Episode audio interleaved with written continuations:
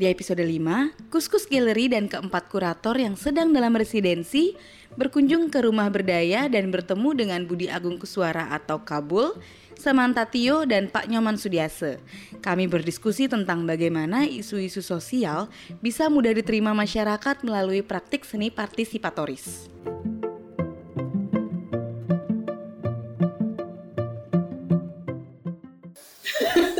rumah berdaya ini apa sebenarnya? Mungkin Pak Nyoman yang lebih tepat tuh cerita apa itu rumah. Ya. apa itu rumah berdaya? Iya, iya. Rumah eh, tempat rehabilitasi hmm, psikososial hmm, eh, bagi orang dengan schizofrenia atau orang dengan gangguan jiwa. oke. Ya keunikannya di sini dari tempat-tempat rehabilitasi yang lain mungkin yang ada di luar Bali atau yang di rumah sakit itu ya berbasis seni dari dari apa namanya yang diprakarsai oleh ketua proyek lewat Nakti. Nah, dari awalnya kita menggunakan seni itu sebagai sarana atau alat untuk me- terapi ya. Lebih mencairkan apa namanya hubung-hubungan antara Iya, antara ya kita yang ODS atau orang dengan gangguan jiwa itu dengan masyarakat. iya, karena kan berjarak karena stigma itu kan. Ya, Iya. Ya, kita nggak nggak terlalu mengarah ke terapinya sih. Maksudnya eh, kita tidak eh, mengklaim bahwa itu terapi, tapi memang ada dampak terapeutik. Sa- eh, eh, salah satunya dikarenakan karena set- kita ti- belum ada eh, praktisi profesional di bidang eh, art terapi gitu. Tetapi kita memang kerja sama psikiater dan teman eh, dokter Rais sebagai partner kita sini dan yang juga ini apa ketuanya KPSI eh, Simpul Bali eh, yang mensupport dari sisi profesional kesehatan jiwanya. Jadi kita lebih banyak menggunakan seni Sekarang itu. Hmm, eh, untuk untuk membawa teman-teman kembali ke masyarakat untuk me- merubah stigma aja. Iya, iya, iya. Hmm. Karena ya seni itu untuk saya sih eh, yang saya rasakan saya dapat manfaat dari. Eh, saya saya mengenal seni seni secara khusus seni gambar kayak itu ya. Iya. baru sekarang ini setelah saya gabung di rumah berdaya dan ketemu dengan Pak ya sebelumnya sih ya kita dapat pelajaran di SD, SMP kayak melukis itu kan sekedar aja karena kita harus mengikuti itu kan. Hmm, di sini eh, ya saya diberikan ruang dikasih masukan oleh Pak Budi terbukti saya bisa pameran tunggal ini kasih Pak Budi dan eh, beberapa karya saya ada juga yang mengapresiasi membeli. Itu ya berdampak pada rasa per- percaya diri saya. Dan terus terang aja saya juga selain ya dari itu saya mempunyai rasa harga diri yang berlebihannya gimana ya? Hmm, saya artinya tidak merasa rendah diri Iya, saja iya. artinya saya bisa berkarya lalu orang mengapresiasi hmm. dan selain itu ya tempat ini juga melatih saya untuk ya seperti bicara seperti sekarang ini. Mungkin bagi banyak orang hal yang biasa tetapi bagi kami orang yang pernah mengalami schizophrenia itu adalah hal yang luar biasa saya bisa bicara Oh, Pak Nyoman dulu pernah? Iya, saya saya termasuk lama dari 2001 saya. Ya. 2001 saya mengalami schizophrenia sampai dirawat di rumah sakit jiwa. Setelah itu ya saya rutin eh, rawat atau kontrol ke rumah sakit, rutin konsumsi obat sehingga saya bisa seperti ini. Tapi dalam fase dari 2001 sampai sekarang ini, sebelum saya ke rumah berdaya itu loh, ya masih kerja sebentar tidak nyaman rasanya itu. Berhenti atau pernah pulang kampung lagi berapa tahun lagi baru balik lagi dari pasar nah ini termasuk rumah berdaya ini eh, termasuk prestasi saya lah harusnya udah tiga tahun udah pindah-pindahnya itu. Karena kadang apa namanya ada hal kecil sekali yang yang nyandak berkenan di hati kita pasti oh, pasti keluar dah itu tak nyaman dengan lingkungan keluar. Dan ya itu saya bekerja seperti itu ya dari muda gitu perasaan tidak ada tantangan kaya sekali. Padahal kalau dikasih tantangan juga gini. Kalau udah menonton kayak itu udah ada takut udah ada tantangan. Kalau dikasih tantangan berat juga keluar juga gitu. Kayak itu dan ya tidak terasa loh karena ya saya menikmati gabung teman-teman saya. Ya di sini saya merasa uh, merasa bahwa saya ini loh masih bisa membantu orang. Itu kan perasaan yang yang yang yang tidak didapatkan itu. Kalau kalau kalau di kita di luar bisa jadi kita aja yang merasa dibantu orang itu. Nah itu perasaan gitu. sini saya merasa saya bisa memberi sesuatu kepada teman-teman. Walaupun hanya ngajak ngobrol kayak itu ngelatih teman untuk berkegiatan kayak itu. Itu membuat saya mempunyai uh, rasa percaya diri yang, yang lebih lah dari dulu. Nah terus terang aja dulu saya selalu merasa diri yang paling hina paling jelek paling tidak berharga mungkin ya faktor itu juga yang membuat saya jadi mengalami karena mungkin beban dulu numpuk-numpuk terus ya, ya. Uh, tidak menghargai diri. Oh, akhirnya ya saya ngamuk di tempat kerja dan di sini tuh saya mulai sedikit demi sedikit mendapat apa namanya itu jalan untuk merasa diri itu ya punya kelebihan. Dan saya tidak sangka saya bisa pameran tunggal walaupun dalam skala kecil ini kan. Dan semua orang juga bisa ini kayak itu. Ya. bukan kecilnya pak. Iya iya iya itu ya. sudah sampai. Kalau ya. skala mah kalau skala atau kecil atau besar uh. itu soal lain lah. Ya artinya itulah. artinya saya yang tidak ada tidak ada apa namanya tidak ada basic tidak ada awalnya Pak Budi melihat. Artinya kan karena Pak Budi juga melihat. Ya apa namanya? Ini apa namanya? Gini apa namanya? Kemampuan saya mungkin Pak Budi melihatnya dia mendorong memberikan mas, motivasi memberikan masukan oh gini loh Paman gini karakternya cocok dari dari berapa kegiatan kami punya kegiatan namanya grup art e, grup art expression ya ya itu yang digagas dari Pak Budi sama sama psikiater ya. kalau di dalam uh, ilmu keperawatan itu namanya terapi aktivitas kelompok. Sebelum sebelum kita mengenal terapi, ada setelah ada mahasiswa sini, baru kita tahu oh ternyata ada ada kegiatan yang hampir mirip yang namanya terapi aktivitas kelompok.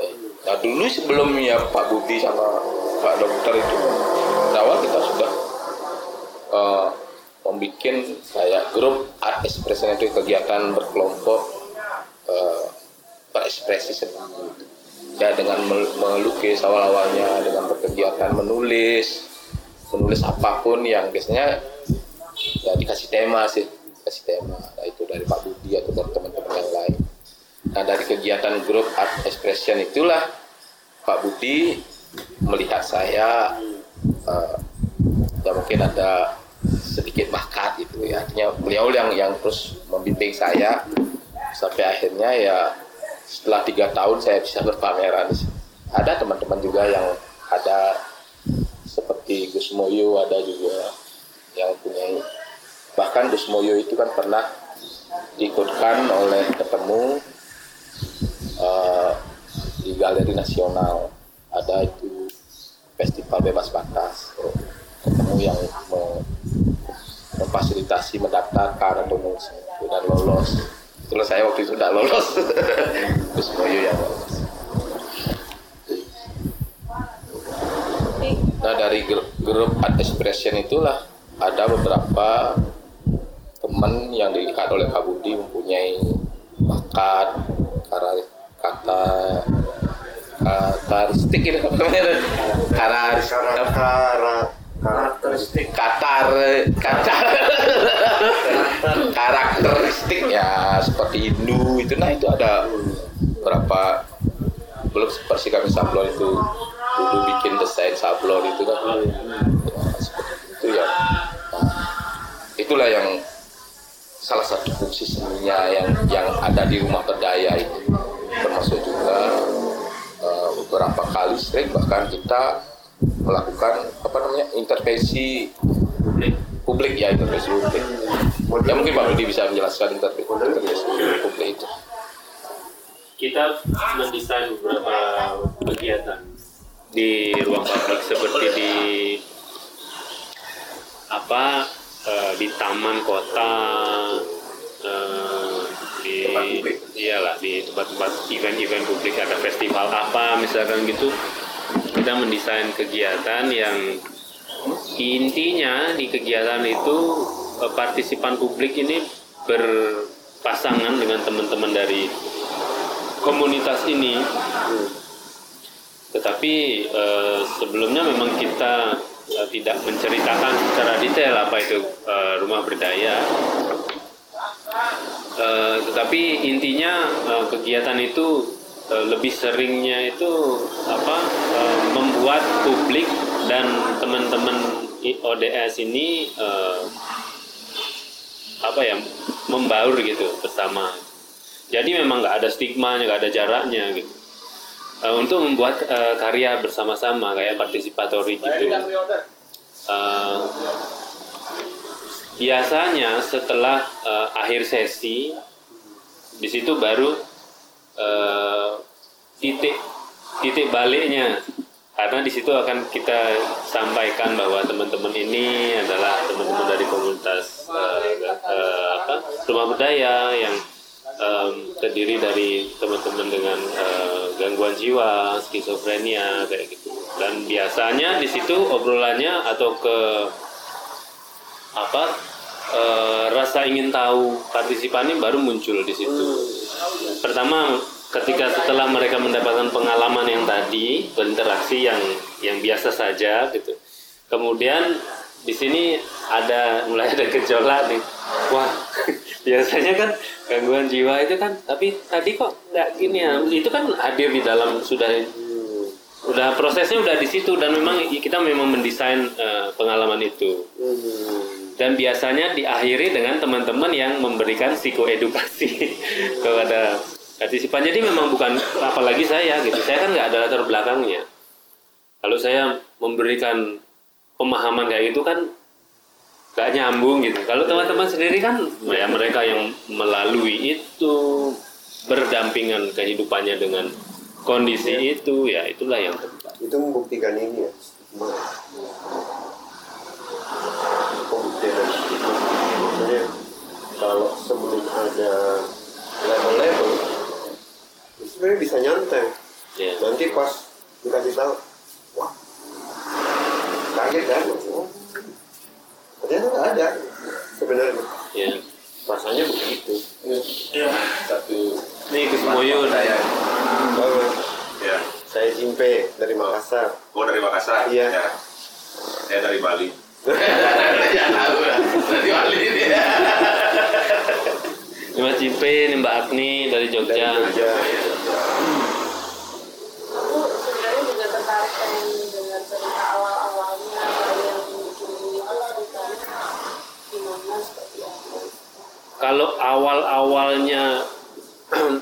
yang mendorong um, saya saya sendiri sih awalnya itu ketemu dengan uh, psikiater dokter Rai. Uh, dan sebelumnya kan kalau saya sendiri punya praktek uh, seni uh, partisipatoris kan memang. Uh, dan berbasis komunitas biasanya um, dan waktu kita ngobrol sama eh set, uh, setelah itu ada satu NGO nih datang nah ketemu project uh, jadi mereka punya rencana program yang namanya um, mabestikan. Mabestikan itu bahasa Bali. Kalau di bahasa Indonesia kan artinya men menyatu gitu. Nah, yang ingin disatukan ini adalah um, aktivis dan seniman untuk uh, bersama-sama menggarap satu proyek gitu. Nah, di situlah kita mengeksplor proyek-proyek apa yang mungkin. Eh, dan pada akhirnya, eh, karena saya sudah eh, pernah bertemu dengan Dokter Rai dan pada saat itu ada apa ke, ke, ke, kesempatan untuk bertemu lagi dan akhirnya sharing tentang hal ini. Terus baru di situ Dokter Rai kebetulan punya kegiatan mengumpulkan teman-teman pasiennya ini untuk satu kali seminggu gitu ya. Kayak sosialisasi lah ngobrol-ngobrol gitu. Nah terus saya ikut di satu sesi itu. Dan di situ waktu itu saya lihat ada yang satu main gitar ya main gitar. Dan sambil uh, dia menceritakan tentang persiapan dia untuk ujian ya. Ujian ya waktu itu. Ujian skripsi. Nah, dan beberapa teman-teman lagi uh, pada saat itu juga ngobrol-ngobrol. Dan obrolannya itu menurut saya menarik gitu. Terus menindaklanjuti dari situ saya lakukan observasi langsung ke rumah-rumah. Teman-teman ini ke rumah teman-teman ini dan di situlah saya menemukan hal-hal yang menurut saya unik gitu ya. Jadi eh, saya selalu bawa kertas sama alat tulis tuh. Uh, obrolan kita pertama ya seperti itu gitu. Dan di situlah muncul banyak gambar. Artinya saya juga bisa mengenal mereka itu dari gambar itu dan sangat sangat efektif sekali gitu nah karena ada potensi artistik itu gitu uh, lagian juga kalau pokoknya unik deh uh, pengalamannya. Kalau kita sering berpikiran tentang thinking out of the box itu nah kalau teman-teman ini boxnya nggak ada gitu. Jadi nggak usah nggak usah apa ngasih effort untuk out of the box karena memang nggak ada boxnya gitu. Nah ini ini dah buat saya wani nih. Apa potensi ini gitu potensi. Um, dari situlah terus saya uh, approach lagi ke dokter Rai. Untuk kegiatan itu kita libatkan kegiatan um, uh, seni dan kreatifnya. Dan akhirnya semenjak itu kegiatannya pindah ke studio di studio tertentu itu sekitar enam bulan uh, rutin uh, satu minggu sekali. Dan program-program di awal itu ya memang kita dari semua ya kita merancang semua. Termasuk yang pertama karena tantangannya itu selain stigma itu produktivitas. Karena teman-teman ini e, dampak dari stigma itu salah satunya adalah e, tidak adanya peluang kerja teman-teman. Nah terus pertama ada potensi artistik tuh salah satunya sangat suka menggambar doodling gitu. Terus dari situ kita pikir oh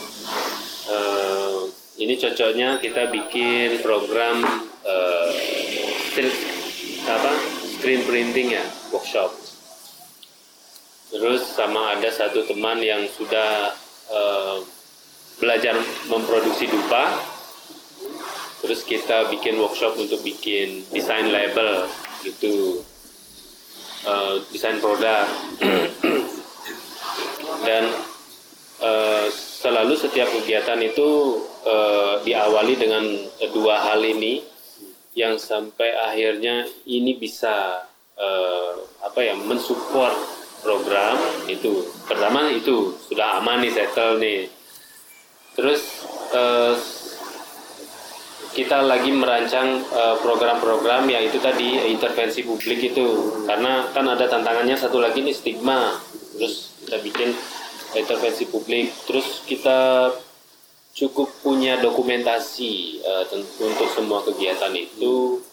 Nah, sampai di akhir program besikan ini, dulu kan memang ada seed funding itu kan.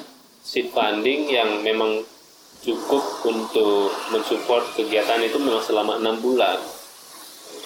Tapi kita sudah punya ancang-ancang produk ini dan pada saat itu lumayan produknya juga um, ya baru lah, baru lumayan, baru tapi sudah lumayan gitu ya.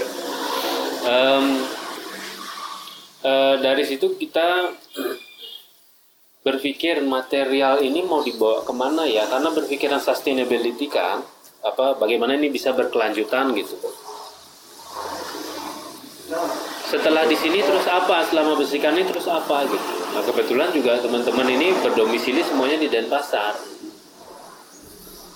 Dari bekal uh, semua program yang sudah kita lakukan terus bekal dokumentasi itu akhirnya didampingi juga sama apa uh, seorang salah satu uh, pendirinya rumah berdaya itu dari dinas kesehatan itu uh, Bu Komang Ayu almarhum beliau uh, membantu untuk kita melakukan audiensi kepada wali kota Denpasar e, permohonannya itu sangat sederhana. Permohonannya itu hanya menggunakan gedung yang nggak terpakai milik pemerintah gitu. Hmm, kita kan punya banyak tuh. Nah, terus akhirnya ketika kita audiensi, setelah itu satu minggunya dapat gedung itu. Jadi kegiatan yang dari studio semuanya pindah ke sana. Gedungnya emang emang ya terbengkalai gitu. Ya, ya, ya. Pakai ya. Pertama kita ke sana itu. Ya, itu ya, itu baru baru lisan aja sih ya hmm. baru apa diberikannya masih secara lisan belum belum belum tertulis lah gitu ya itu sih langsung kita bersihkan langsung kita tempati lah. E, walaupun ada apa eh, pertanyaan-pertanyaan ada yang datang uh, terus nanya ini apa nih? Ini kan tempat ini ini, ini dan lain sebagainya. Tapi intinya itu jalan kita pertama kali untuk uh, membuka apa membuka hubungan dengan pemerintah kota sebagai salah satu stakeholdernya dan sekarang ini uh, rumah berdaya sudah di bawah naungan dinas sosial kota Denpasar. Ya, yang yang Pantesan kantor ya? Ya ini kantor sudah mulai. Dan beberapa teman-teman memang bekerja. Dan setelah pindah di tempat baru kita itu yang dikasih pemerintah itu kegiatannya dari seminggu sekali setiap hari jadi. Hmm. Kali minggu kita libur gitu. Minggunya libur. Nah, dan di situ kita ini sudah lepas ke kepada teman-teman untuk mengelola karena memang kita selalu berbasis proses sih e, prakteknya dalam dalam setiap proses itu kita lihat seperti ini ya itu yang dijalankan seperti Pak Nyoman memang punya paling yang punya inisiatif untuk untuk mengkoordinasi apa pun kegiatannya waktu itu ya ya dipercaya sebagai koordinator uh, pada waktu itu. Dan uh, sekarang ada empat orang dari teman kita ini ya artinya jadi pegawai kontrak lah di bawah dinas eh di bawah uh, pemerintah kota ya. Di bawah pemerintah kota untuk mengelola rumah berdaya. Jadi memang ya mereka semua sih yang melakukannya secara mandiri sekarang gitu sekarang kalau yang dari awal ya dari pertama itu ada sekitar 30-an Pak ya. Tapi yang aktif sering datang setiap hari itu ah, 20 20-an. Dan semuanya memang kalau dikatakan tempat nong tempat ngumpul gitu ya paling lebih cocoknya tempat nongkrong sih karena ya. tidak berbayar gitu. Kita ya. memang uh, tidak ada memungut biaya kecuali ada uh, keluarga yang ya maksudnya ingin menyumbang oh. gitu baru tapi ya kayak makan siang gitu memang ya. free. Kita ya. sediakan ya, tapi ya dari hasil hasil kerja gitu memang. tapi kan maksudnya kalau beli bahan makanan itu kan itu dari sumbangan. Ya dari hasil penjualan produk-produk itu. Awalnya kita awalnya, awalnya. Dulu gitu ya. emang dari ya ada yang ada yang bami kayak itu ya. Iya. Mulailah uh, setelah enam bulan itu ya, enam bulan kita memang murni Tapi ngomong-ngomong Mas Budi, maksudnya eh, angka 30 misalnya yang ada di rumah seni sekarang itu besar atau kecil? Kalau untuk ruang lingkup dan pasar, kecil jauh iya. Oke. jadi pasar itu datanya sih kali 500 500 ya. Kenapa banyak begitu? Ya memang kenyataannya seperti itu. Kan kalau di di apa ya? Kalau lihat grafiknya satu per seribu ya, iya ya satu per seribu orang memiliki. Nggak tahu sekarang, mungkin bisa dua per seribu. ya, itu dari dari ya. Kayaknya itu faktor apa? ini, Sosial. Maksudnya Oh ya, semacam kalau kasusnya misalnya apa gitu. Realnya. katakanlah kalau yang itu satu per seribu itu kan gangguan jiwa berat kan ya Eh, gangguan ter- eh, skizofrenia kan termasuk di gangguan jiwa berat ya kalau faktornya itu biasanya dia multifaktor gitu nggak ada single Tunggal. faktor tunggal gitu tidak ada yang ada kemungkinan besarnya juga dari genetika juga ada Oh. Ya, terus faktor-faktor eksternal lainnya seperti apa eh, penyalahgunaan eh, narkotika juga ada. sekarang kalau itu bullying itu Ya, lebih ya. Tapi memang dia tidak satu. Eh, pemicu yang jadi yang jadi yang lain-lainnya menjadi eh, pemicu-pemicunya gitu.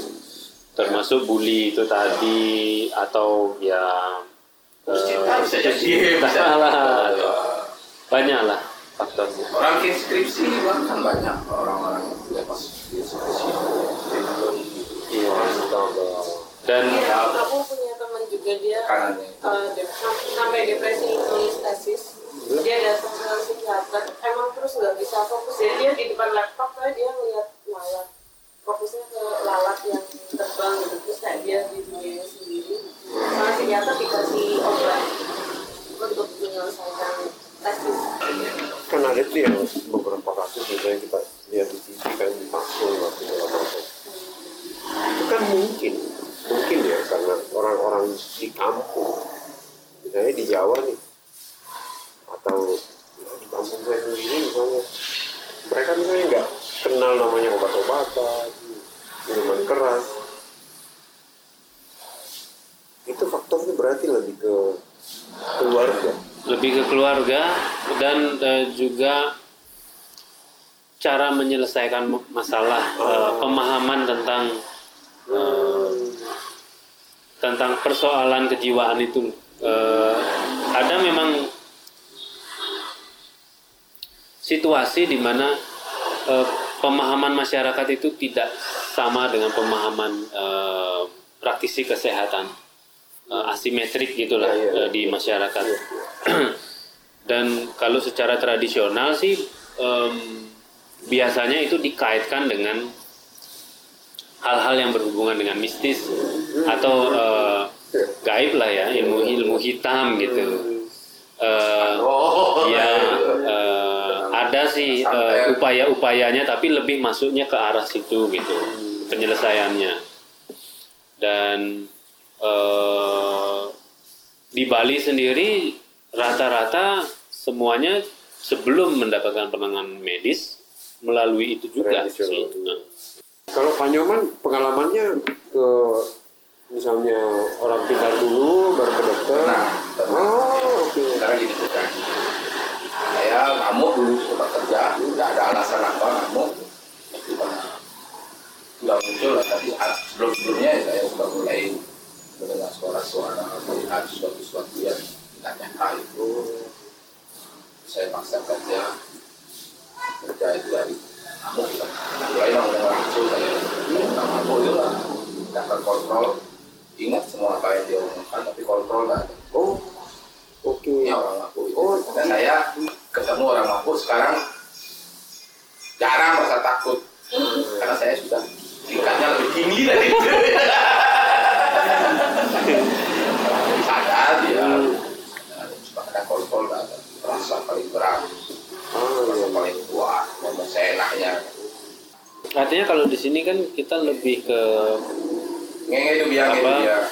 Potensi seni itu hmm, karena gini sebelum sebelumnya proyek-proyek kita yang partisipatoris ini Oke, memang apa ya Manu apa yang memang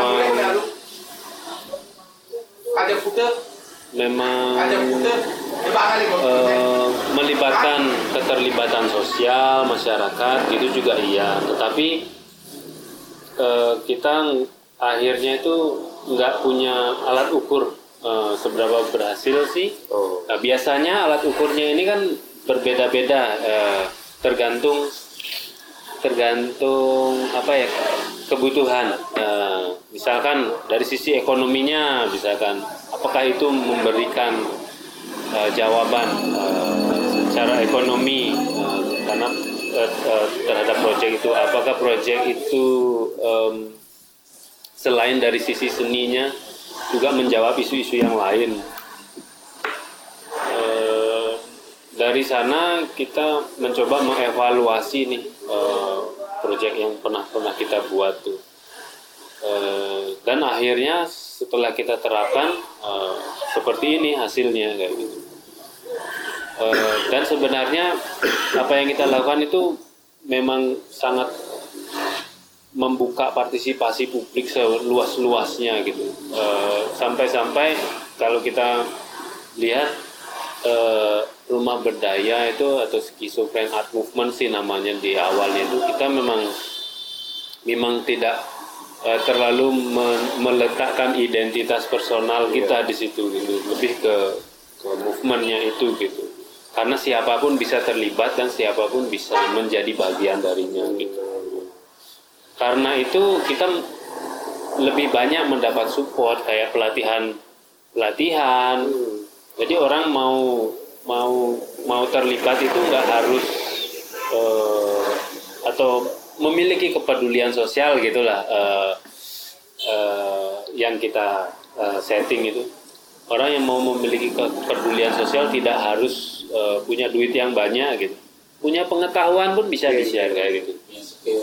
Punya skill. Dan kita justru Kayak- banyak dapat kayak gitu. minyak minyak kelapa ya itu kita dari masyarakat dan macam Iya. minyak kelapa. Bikin coconut oil juga ada di situ. Termasuk belajar bikin kopi. Ya bikin kopi Gitu. bagian dari masyarakat diberikan pelatihan akhirnya bisa memproduksi ya kita benefitnya dapat dari situ samping juga ya kita belajar juga dari dia awalnya ya itu ya tutorial dulu pernah kita bikin gelas Ya, kebetulan saya punya adik yang belajar psikologi dan Ah. dia punya apa semacam bikin kantor konsultasi kecil-kecilan iya, lah iya, ya. iya.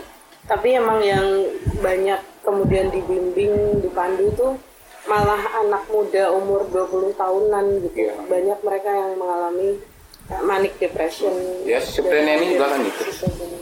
ya, di memang usia-usia di usia produktif yang yang terkena jarang anak kecil Hmm. jarang orang orang tua juga tapi anak orang tua itu biasanya kan memang semua kan ibunya udah menurun kan Sudah tidur orang tua biasanya tapi tidak tidak gangguan schizophrenia Dulu dia Orang- juga bilang kalau BPJS sempat menyediakan fasilitas untuk kesehatan jiwa. Cuma kemudian beberapa tahun yang lalu dihapus dari fasilitas BPJS. tapi ya sekarang memang eh, obat-obatan itu memang ada yang ada beberapa yang memang tidak Hmm. kebanyakan dari tanggung termasuk kalau di Denpasar ini malah selangkah lebih maju eh, dari ya, kota-kota lain khususnya di Bali mungkin di Indonesia. Karena di Denpasar ini di puskesmas puskesmas sudah disiapkan juga obat-obat jiwa. Jadinya kan eh, orang-orang atau teman-teman yang nasib dengan saya itu gampang akses obat ke puskesmas nggak perlu ke ke sakit jiwa bang atau ke rumah sakit yang jauh-jauh kan. biasanya kan rumah rumah eh puskesmas itu kan ada di sekitaran wilayah wilayah sudah kecamatan di sudah mulai ya di Denpasar ya. kalau di kampung saya di Buleleng itu Oh, Bapak dari Buleleng. Ya, saya dari Buleleng. Oh, harus ke Bangli. Apalagi sekarang kalau musim-musim hujan dari kampung udah ada hujan katanya. Ke Bangli itu harus naik mobil lah juga ada hujan dari itu. Ya, cukup enggak uang 500 nya untuk transport aja. Bawa mobil lagi ya, aku memang keluarganya punya mobil. Ya udah nyewa itu ya, 500an. Belum lagi obat yang udah ditanggung kan itu. Nah itu kadang eh, menyebabkan tingkat kekumatan. Karena kadang keluarga tidak ada yang mau ngantar, tidak ada berobat. Sebulan kita berobat, itu mah lagi relax lagi. Pak, tadi dilanjutin ceritanya, boleh nggak? Oh ya, oh yang tadi itu. nah, saya nggak mau di tempat kerja, Oh, terus iya. saya diamankan oleh security. Karena saya nggak mau tidak jelas itu. Saya waktu itu kerja di sebuah kontraktor yang pas garap villa, garap hotel di, di Bukit. Itu tahun berapa? Hah? Tahun berapa? Itu tahun 2001 lah ya, 2001. Saya ngamuk lah tempat kerja sampai saya ludahin eh, ownernya ownernya orang Perancis yang cowok yang cewek orang Jepang ya ludahin saya ngomong kata kasar dari waktu itu. apa yang ada di pikiran saya saya Hmm, keluar. beban-beban yang saya simpen karena dulu saya nggak seperti itu banyak bicara ya saya orangnya tertutup gitu. Ada masalah apa pun masih saya simpan karena saya anggap untuk saya menceritakan masalah saya serasa menceritakan aib saya ke orang lain. Masalah sama keluarga aib saya. Jarang cerita. Nah itu mungkin salah satu faktor penyebabnya juga sehingga ya penuh lah ya otak ini di pikiran ini beban-bebannya itu beban-beban kecil itu baru ya. Ja- jarang orang yang nah ini juga ini ya ini penelitian jarang kejadian yang besar kan? Kita orang sekitar ini. Ini malah kecil-kecil tapi numpuk. Bertahun-tahun ya kecil-kecil itu simpan disimpan. Iya, iya. kita ber- berharap atau beranggapan bahwa nanti juga hilang selesai masalahnya biasa. Tapi kan kalau tidak keluar itu nyimpan di bawah di bawah. Itu keluar semua sampai saya karena menghancurkan barang lah di kantor itu saya diikat sama satpam dibawa ke rumah sakit Sanglah waktu itu. Setelah dirawat Pak Ari tenang saya boleh pulang. Saya diajak pulang kampung. Di Beleleng nah, sana itu dah saya mendapatkan terapi tradisional lah bilang terapi alternatif. Mulai ke dukun. Dukun kalau di sini itu namanya balian. Hanya hampir tiap hari loh ya mobil ngajak keluarga tidak ada perbaikan malah semakin memburuk. Saya sampai telanjang keliling kampung itu loh. Tapi ya, sekarang saya bisa cerita itu waktu itu. Dan orang. Saya saya lihat orang tuh kalau- saya jalan di kampung di jalan-jalan itu menjauh orang itu. Tahu ingat. Oh, Akhirnya gitu. kenapa ya? Nah, makanya gitu saya saya saya sering garis garis bawahi ini. Dulu kan ada bahwa orang yang seperti saya ini dibilang sakit lupa ingatan kan itu Iya.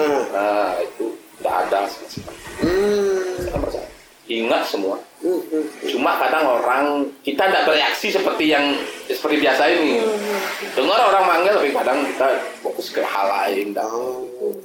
ngomong orang lain apa kita jawabnya apa Ya.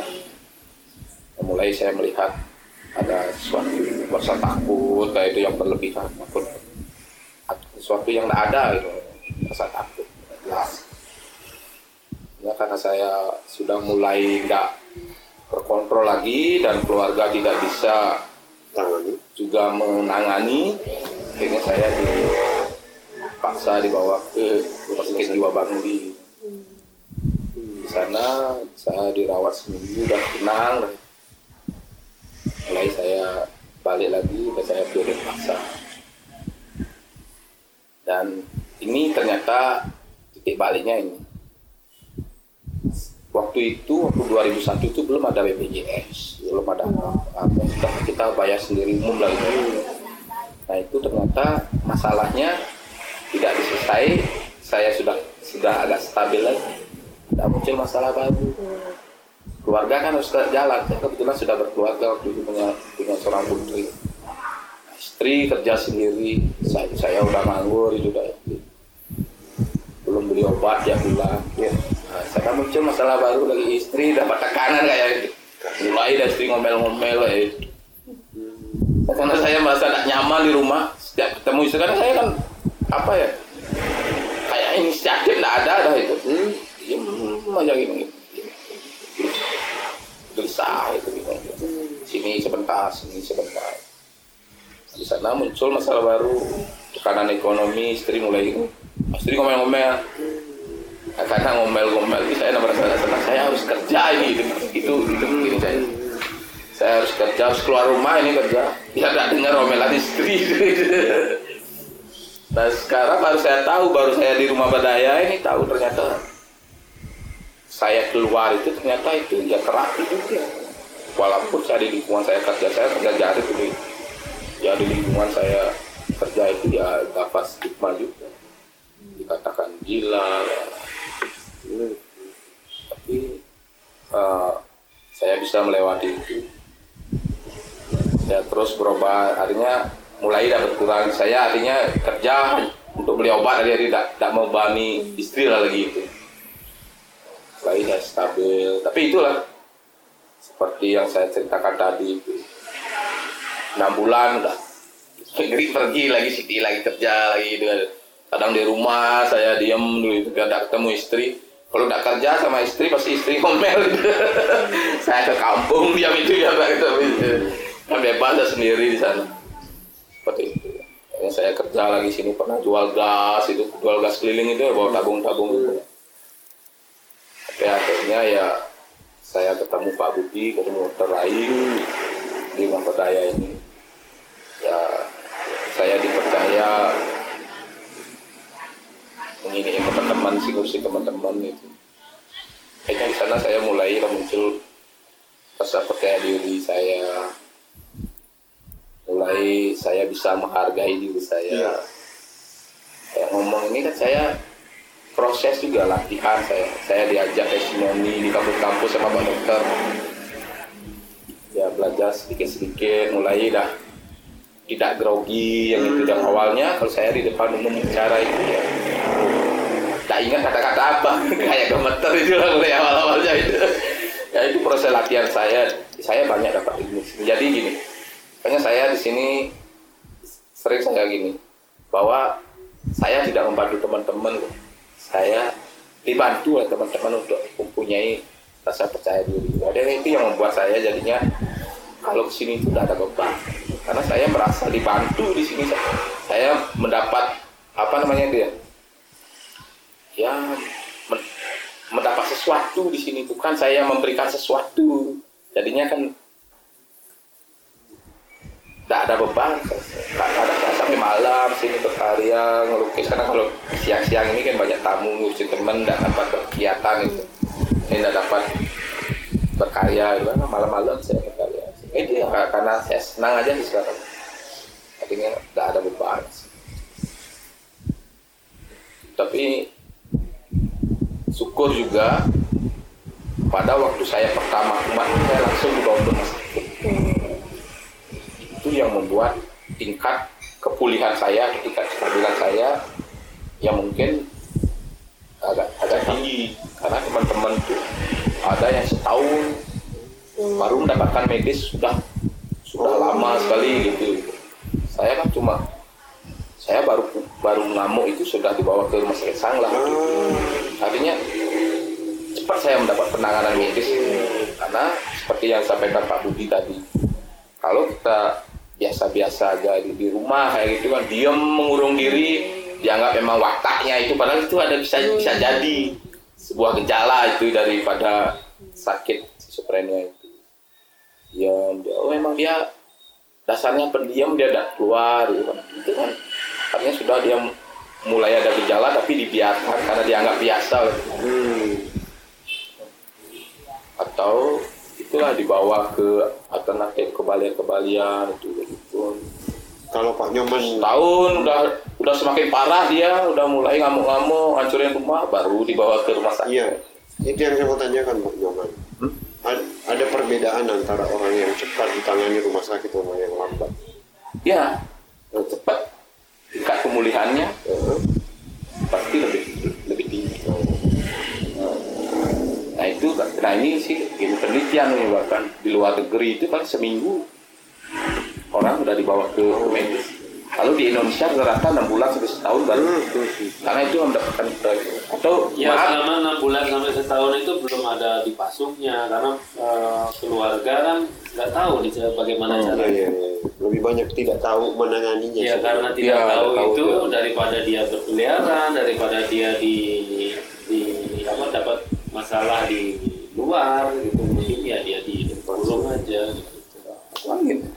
atau mungkin sudut pandang masyarakat itu kan oh dari dia biasa sekolah rajin sekolah tahu males sekolah. Ayo ayo ayo ayo ayo Gus ayo Gus. Bisa jadi oh ya biasanya di di, di masyarakat kita itu yang pada ya, ya agak-agak belum belum belum apa namanya belum terbuka lah wawasannya. Kadang kan oh ini ada orang yang ngiri dengan keluarga kita ini begini ini diguna-guna kayak ini hmm.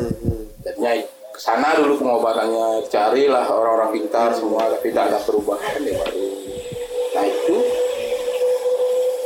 ya pasti ada gininya karena seperti gini karena kalau sudah lama terkena schizophrenia tidak mendapatkan perawatan yang tepat otak itu kadang-kadang kadang mengecil gitu. Oh. dan kalau sudah mengecil oke. itu ada beberapa teman yang nggak diam no ya itu gitu. Iya, iya, iya. Oh, seperti itu itu penelitian si dokter yang bilang kayak kayak mengecil lah kan ya Iya, Belum iya, iya, iya. akhirnya kan sudah nggak normal lagi Betul. Coba. Benar, benar.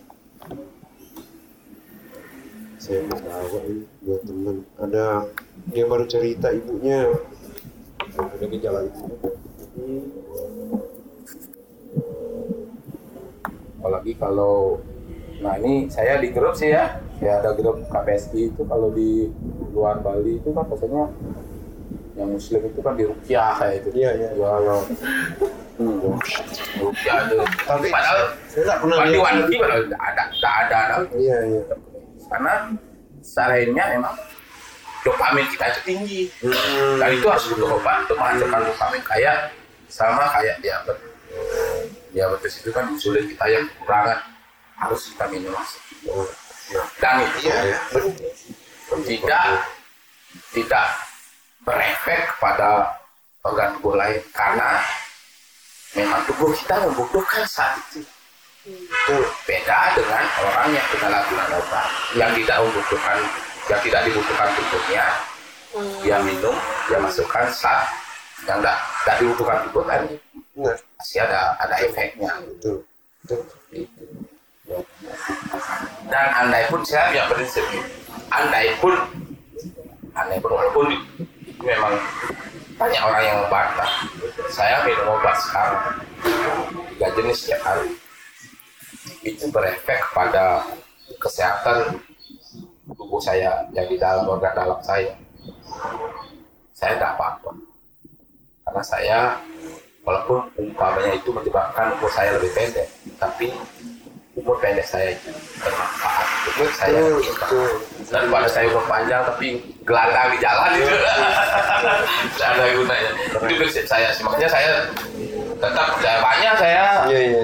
iya. tak satu orang tak dua orang yang kamu kok minum obat terus organ kamu dalammu bisa rusak lo hatimu bisa rusak ginjalmu bisa rusak. Itu saya punya prinsip. Makanya ya syukur. Benar. dari 2001 itu saya tidak pernah lagi masuk. Rumah sakit karena ada beberapa teman sampai 15 kali loh masuk. Saya saya punya prinsip sebagainya walaupun saya tetap konsumsi obat tapi saya bisa. Bisa bisa tertawa bersama bisa merasakan. Karena terus terang aja. Kalau pas ngalami itu orang bahagia saya sedih? Orang ngomongnya sedih kita ketawa sendiri ya itu gak nyambung kalau ini kan kita ketawa bersama. Iya, iya. gitu. ngobrol ngobrol bersama itu. Ada nyambung loh. Kalau itu ya kan nyeleneh sendiri lah itu. Diajak ngobrol nggak nyaut tahu-tahu ngomong sendiri ya itu sendiri. Sibuk ngomong. Pada orang bersedih kita ketawa sendiri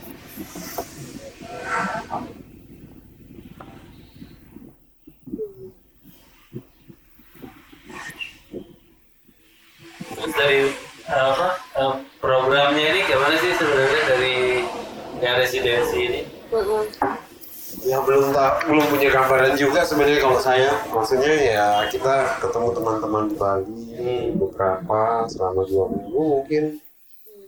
Ya itu tentu sebenarnya bukan dalam artian mungkin. Saya duga ya mungkin bisa saja merancang program, tapi saya secara pribadi mah tendensi saya ikut ini sebenarnya lebih ke ya belajar ke banyak orang. Kan itu beda lah ya maksudnya Iya, iya, beda iya. konteks misalnya.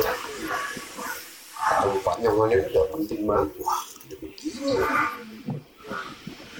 ya ya ya nantinya ada harapan eh, kita sharing apa yang kita temukan selama ketemu sama teman-teman gitu. Tapi motivasi akhirnya sama kayak Jim tadi mau datang dengan nol mau Iya. belajar mendengar dapat inspirasi Makassar Biennale itu yang pertama ya kemarin ini. Apa yang kedua ya? yang kemarin ketiga Oh ketiga ya? Oh iya. iya. kalau saya uh, tidak terlibat 2015 tahun 2017 2019 Bang. tahun 2017 saya makan terus Citra ngobrol ke simposium Oh ya ini berarti ya iya. banyak ada banyak banyak kan tahun ini ke Jogja. Iya. Jogja. Sama Citra. Kalau sini Makassar Biennale manajemen. Lebih ngurusin apa mesti diurusin lah. Itu sama kayak Jogja gitu. Kayak yayasan gitu. Iya yayasan. Tapi kami dalam kalau Makassar Biennale itu kayak pakai nama tok sebenarnya. Jadi meskipun nama saya ada di yayasan tapi saya lebih pakai lembaga saya yang karena ini. Jadi semacam pihak ketiga lah organisir manajemen lah segala macam. Bahkan jaringan-jaringannya kita pakai buat hubungi teman-teman. Kalau jaringan Makassar Biennale mah rumah berdaya ini katanya sih satu-satunya baru ada di Bali. Mungkin yang di Indonesia artinya ada yang sejenis seperti ini yang ada di Jakarta yang namanya Will dan informasi layar sosial. Tapi itu murni eh, dari eh, departemen sosial. Yang ini yang membedakan dari itu bawah. ya ya ada komunitas seni ada komunitas dari konsumen KPSI itu berkolaborasi menarik kalau kalau ini juga tidak melibatkan ketemu tidak melibatkan KPSI tidak kalau biasa program pemerintahan gitu kalau aja tidak ada kreasinya seberapa anggaran ya segitu aja. Anggarannya cukup satu kilo ya jalan satu kilo aja. Nah, yang ini yang membedakan kan nanti subsidinya dari mana lah? Iya, yang yang membedakan ini kita anggaran satu kilo dan kita sudah jalan 10 kilo ya. Itu Pak. itu itu yang Ya. itu aja yang membedakan. Karena ya ada Dia- kreativitasnya itu. yang dan sebagai fasilitator. Oh iya, itu saya fasilitator saja. Eh, dan sekarang kan ketemu project juga kantor di sini kan. Eh, ya setidaknya mendampingi dulu. Oke Mas Willy dari ketemu. Iya, Eh, mendampingi dulu nanti eh, tapi kita pikir sih sekarang ini sudah sudah mulai eh, lebih apa ya lebih utuh lagi lah rumah budaya eh, sudah banyak yang tahu, sudah banyak yang aware, terus eh, secara apa operasional secara yang paling mendasar itu sudah sudah apa ya autopilot gitu lah istilahnya terus eh, beberapa nah yang yang tantangannya ini di, di seninya itu sih sekarang sebenarnya. Men- me- melahirkan apa eh, melahirkan orang-orang yang memang melihat seni ini sebagai sebagai pilihan jalannya. Itu yang yang masih menjadi tantangan dan masih di, yang dan yang tidak bisa dipaksakan. Jadi eh, untuk saat ini baru eh, Pak Nyoman aja yang dengan apa ya dengan kesadaran penuh memilih jalan berkesenian gitu. Eh, beberapa kalau kita berbicara apa eh, potensi sih ya masih banyak yang berpotensi tetapi belum punya pilihan jalan yang seperti itu gitu. dan itu memang nggak bisa kita paksakan gitu Eh, walaupun wah ini sebenarnya ini tapi ya ya bagaimana lagi Tapi kita sudah mulai bikin kolektif ya itu kan. Ya, Ya. kita coba sih eh, kemarin inisiatifkan eh, kolektif lah. Eh, di kolektifnya terbuka tidak hanya warga rumah berdaya, tapi mungkin eh, siapa yang memang memiliki isu yang sama atau concern dengan isu yang sama bisa menjadi bagian dari sini untuk apa ya untuk lebih saling mensupport aja secara kebersamaan gitu. Itu sih. Eh, jadi tahun ketiga ini saya rasa sudah cukup mandiri gitu. Dan rencananya tahun keempat besok ya kita sudah eh, di luar rumah berdaya. Jadi lebih mensupportnya dari luar aja. Cuman, eh, memang hanya berfokus kepada eh, peluang-peluang di bidang seninya saja. Nah saya ingat dulu awal-awalnya rumah berdaya, ya Pak Budi full di, di rumah berdaya tidak bisa bekerja kan. Pak Dokter juga setiap hari datang ke rumah berdaya Pak Budi itu. Selama setahun lah kurang lebih itu sampai ya tidak bisa berkarya, tidak bisa kerja lain lah mengusir rumah berdaya. Ya sekarang syukur Nah, ya walaupun kita bilang lah jalan di tempat dulu ya. Karena dulu kita sudah terlalu cepat berjalannya itu setahu dari kita ya tapi tetap jalan. Tapi tetap saya kalau ada apa-apa ya minta pertimbangan dari Pak Budi dari Pak Dokter Rai setiap berjalan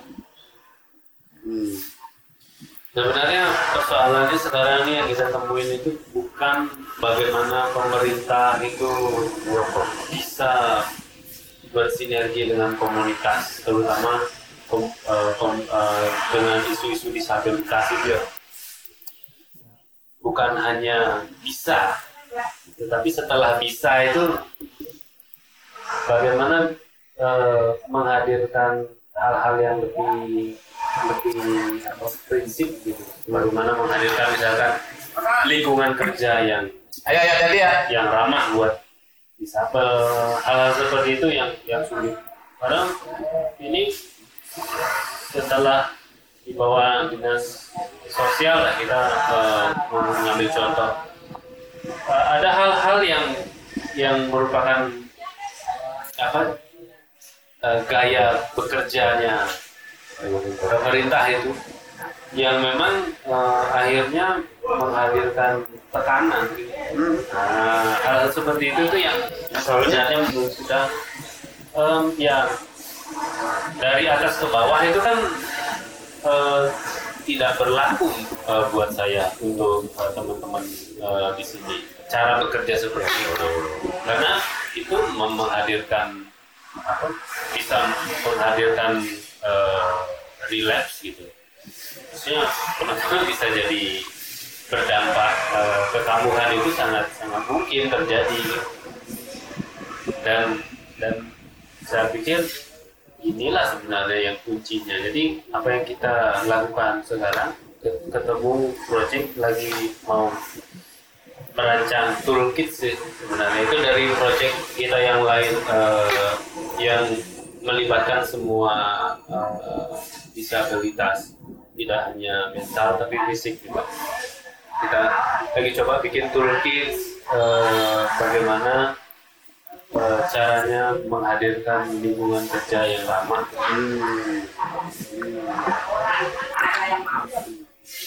kadang-kadang kan eh, yang di yang dilihat sebagai tingkat keberhasilan itu kan oh, sekarang pemerintah sudah bisa mempekerjakan ini tapi setelah mempekerjakan itu apakah ini Iya. nyaman bekerja bekerja sama gitu kan Iya. iya. atau justru malah mengguru karena memang nah saya juga mengalami merasa kegalauan sana karena awalnya kita kan eh, lebih berbasis komunitas kan Eh, fleksibel gitu kan nah sekarang ini setelah di ya di bawah dinas sosial kalau ada tamu harus bersurat ya gitu udah ya. Udah tamu berkunjung bersurat ya kayak kunjungan seperti ini misalnya kan nggak bisa mendadak satu bersurat dulu lalu Oh, ya kan. Setuju dari sana baru setuju. Dan sebenarnya kita gayanya nggak kayak gitu. Itu juga ya karena saya saya di satu sisi sebagai pegawai kota sosial yang harus mengikuti birokrasi kan. Tapi awalnya saya kan basisnya komunitas lebih cepat bergerak cepat gitu modelnya komunikasi lewat telepon aja oke kita datang sini kita mau ketemuan di mana kayak gitu. Nah, kalau pemerintah kan nggak bisa seperti itu. Bukan saya membuat ya sedikit bingung sih untuk ini.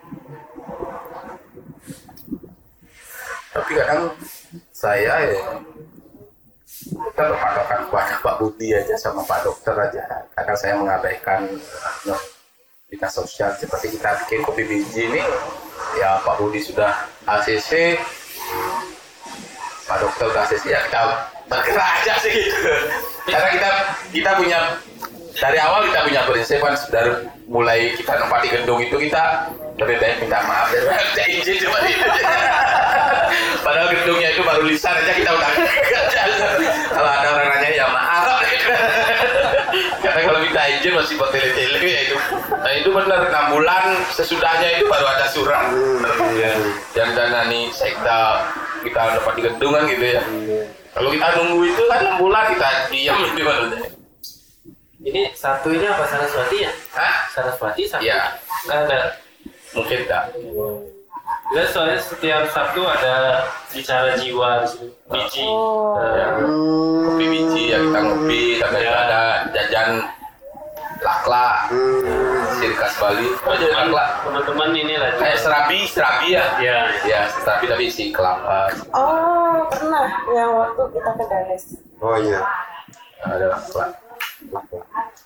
Kan dapat pelatihan kopi kan kemarin dari komunitas eh, salah satu komunitas kopi di Denpasar. Terus em, juga mensupport seperangkat alat membuat kopi dan cara membuat kopinya. Terus akhirnya udah bikin eh, buka setiap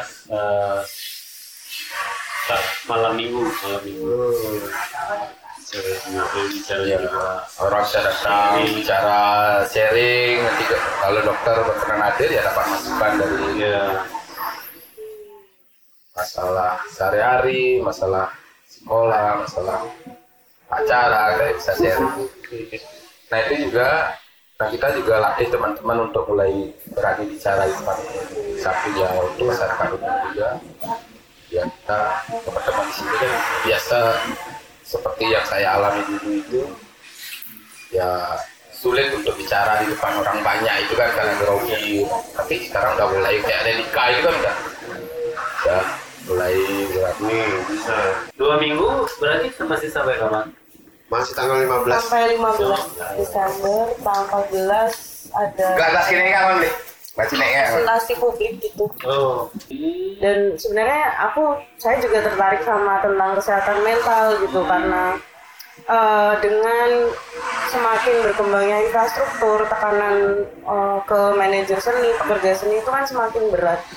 Jadi saya memang menemui sehari-hari banyak teman-teman yang mengalami depresi sampai bahkan ada yang ke psikiater minta obat gitu atau tiba-tiba hilang terus nanti sebulan lagi muncul dengan meninggalkan pekerjaan gitu itu belum saya belum sepenuhnya eksplor tapi saya tertarik dengan yang tadi kamu bilang tentang kondisi kerja itu bagaimana kita bisa menciptakan kondisi kerja untuk orang-orang dengan apa ya pengalaman fisik dan mental yang berbeda-beda gitu.